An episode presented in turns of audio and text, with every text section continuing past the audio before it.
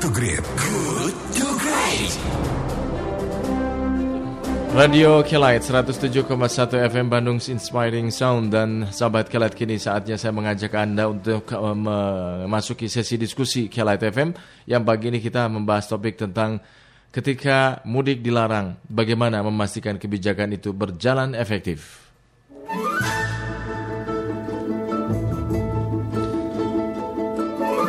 Selama setelah sekian lama ditunggu dan memicu reaksi dari berbagai kalangan, Presiden Jokowi akhirnya memutuskan melarang masyarakat untuk mudik lebaran untuk tahun ini ya.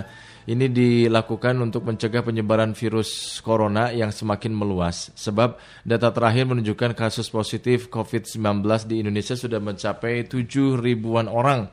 Nah, atas kebijakan ini, pemerintah tengah menyiapkan sanksi bagi masyarakat yang tetap nekat mudik. Kebijakan larangan mudik tahun ini berlaku efektif mulai hari besok ya, Jumat 24 April. Nah, sementara sanksi akan dikenakan kepada para pelanggar mulai 7 Mei 2020. Dengan kebijakan ini, pemerintah melarang pergerakan orang masuk dan keluar wilayah uh, Jabodetabek. Uh, tetapi mobilitas orang di dalam wilayah tersebut masih diperbolehkan termasuk angkutan umumnya. Sebelumnya kebijakan pemerintah untuk mudik lebaran ini hanya sebatas imbauan tidak ada larangan secara resmi, tapi Presiden Jokowi juga menyatakan tidak menutup peluang melarang mudik sesuai evaluasi perkembangan di lapangan. Nah, oleh sejumlah pihak, terutama kalangan epidemiolog, sikap Presiden ini banyak dikritik karena dianggap tidak tegas dan bertolak belakang dengan kebijakan PSBB. Maka ketika mudik sekarang dilarang, bagaimana memastikan aturan itu bisa berjalan efektif? Seperti apa juga mekanisme penegakan aturannya?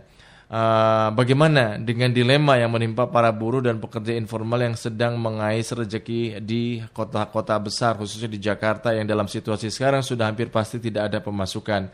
Untuk menjawab pertanyaan-pertanyaan tadi kita akan berdiskusi dengan narasumber yaitu Pak Budi Sutrisno Esos MSI. Beliau adalah dosen sosiologi FISIP Unpad. Assalamualaikum, selamat pagi Pak Budi.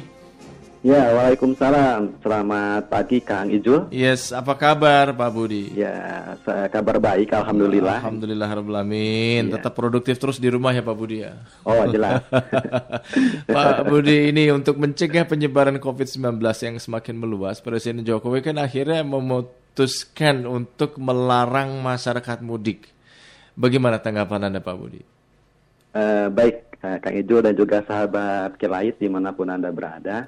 Ya sebetulnya kebijakan mengenai uh, pelarangan mudik ini sudah agak terlambat ya sebetulnya mm-hmm. karena itu sudah beberapa gelombang itu masyarakat sudah banyak yang mudik ya yeah, yeah. seperti pada saat pemberlakuan work from home atau bekerja di rumah mm-hmm. itu sebagian besar masyarakat juga sudah banyak yang mudik begitu dan kemudian juga kemarin uh, ternyata sudah banyak juga yang mencuri-curi ya. Iya, iya. Betul. Sebelum pemberlakuan tanggal 24 besok itu sudah hmm. banyak yang mudik. Kalau nggak hmm. salah sekitar 90 ribu begitu. Iya, iya betul. Iya.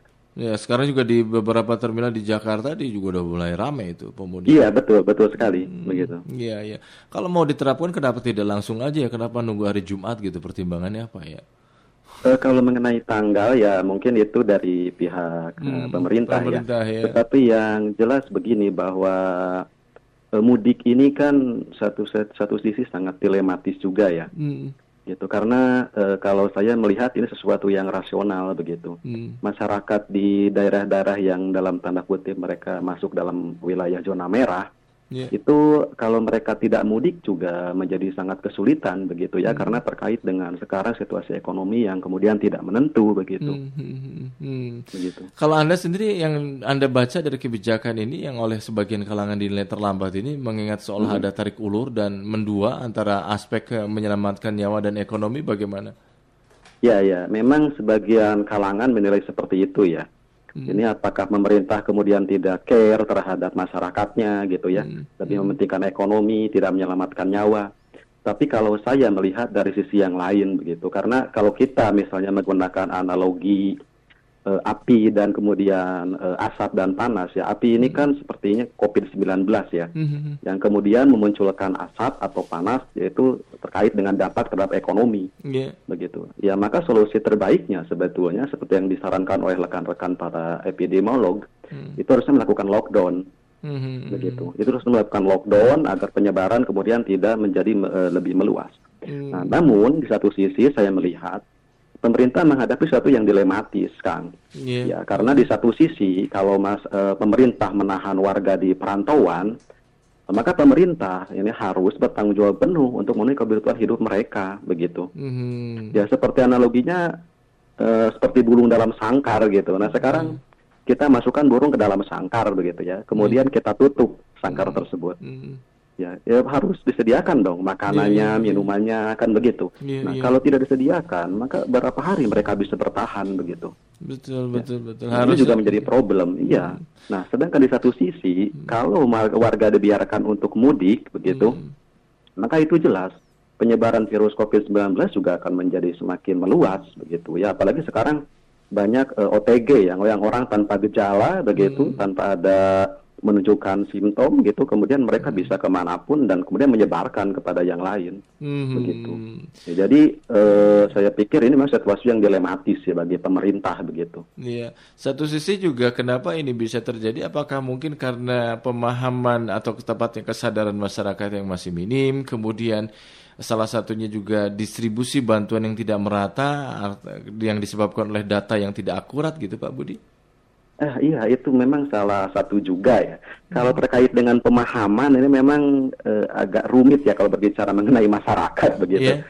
Karena kan terkait juga ini dengan latar belakang pendidikan, kemudian ya kalau warga yang mungkin di beberapa negara yang masyarakatnya well educated begitu. Hmm dengan sedikit informasi yang disampaikan pun mereka bisa langsung memahami kan yeah, begitu. Yeah. Nah, tapi kalau masyarakat kita ini kan tidak seperti itu begitu ya. Mm. Bahkan ada yang sudah memahami juga tetap saja melanggar kan begitu. Yeah, yeah, nah, ini memang keunikan masyarakat kita di di situ begitu. Mm. Nah, terkait dengan distribusi bantuan juga ini memang saya perhatikan beberapa hari ini juga terus menimbulkan dalam tanda kutip ada sedikit gejolak ya, yeah. terutama karena basis data yang digunakan itu tidak akurat begitu. Uh -huh. Dan ini bukan hanya terjadi pada saat situasi pandemi sekarang sebetulnya karena sebelum-sebelumnya juga beberapa bantuan-bantuan terkait dengan kemiskinan itu juga selalu menjadi problem ya terkait dengan data yang tidak akurat itu gitu. Mm -hmm. Kemudian jadi sekarang itu ada kecenderungan uh, pemerintah di tingkat bawah ini agak sedikit ketakutan juga karena tekanan dari warga ya. Warga betul betul. Uh, uh, karena nah, ada yang kebagian, ada yang tidak, ada yang mempertanyakan hmm. gitu kan ke RT RW ya ujung-ujungnya kan tingkat RT bawah RW juga. jadi anu tempat untuk dikemarahin gitu ya. Iya betul.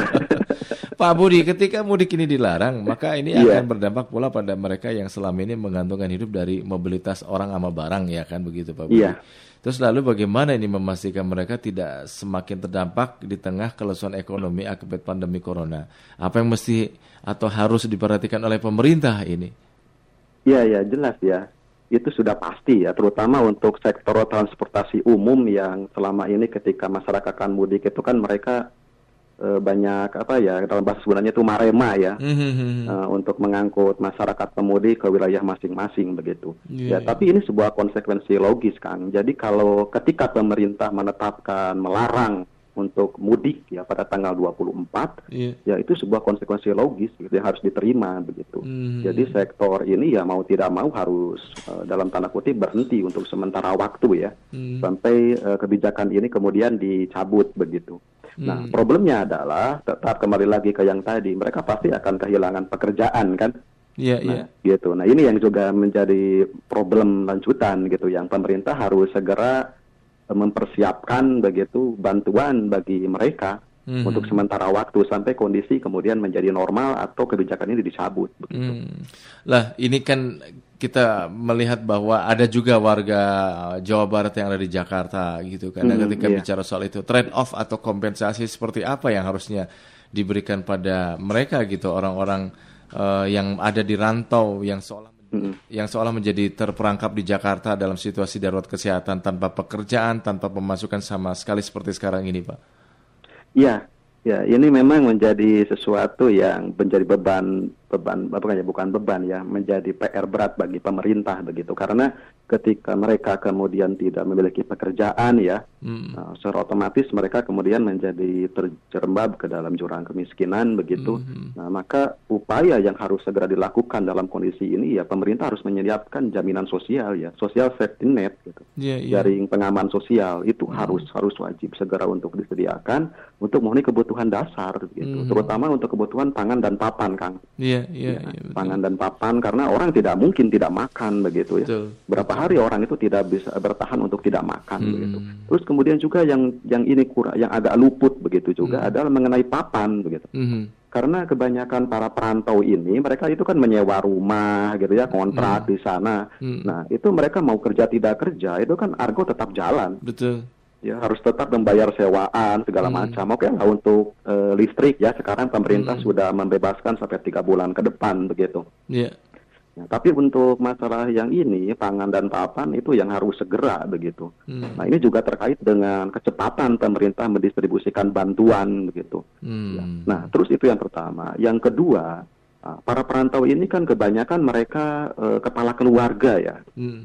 Nah mereka itu punya keluarga loh di kampung halamannya itu anak istrinya yang kebanyakan mereka juga tidak bekerja dan mengandalkan kiriman dari kepala keluarga. Yeah.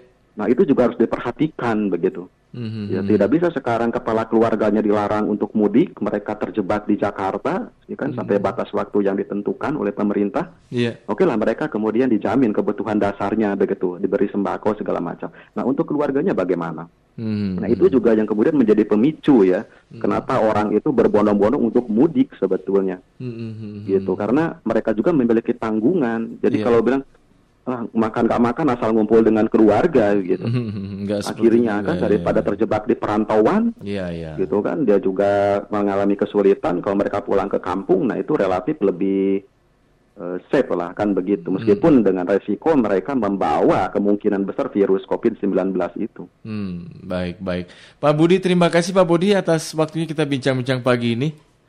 Dan ini ya. menambah menambah referensi untuk kita semua. Terima kasih atas waktunya Pak Budi. Iya, sama-sama kan. Iya, Assalamualaikum ya. warahmatullahi wabarakatuh. Ya, Waalaikumsalam warahmatullahi Demikian sahabat kelat Budi Sutrisno SS MSI, dosen sosiologi dari FISIP Unpad Bandung.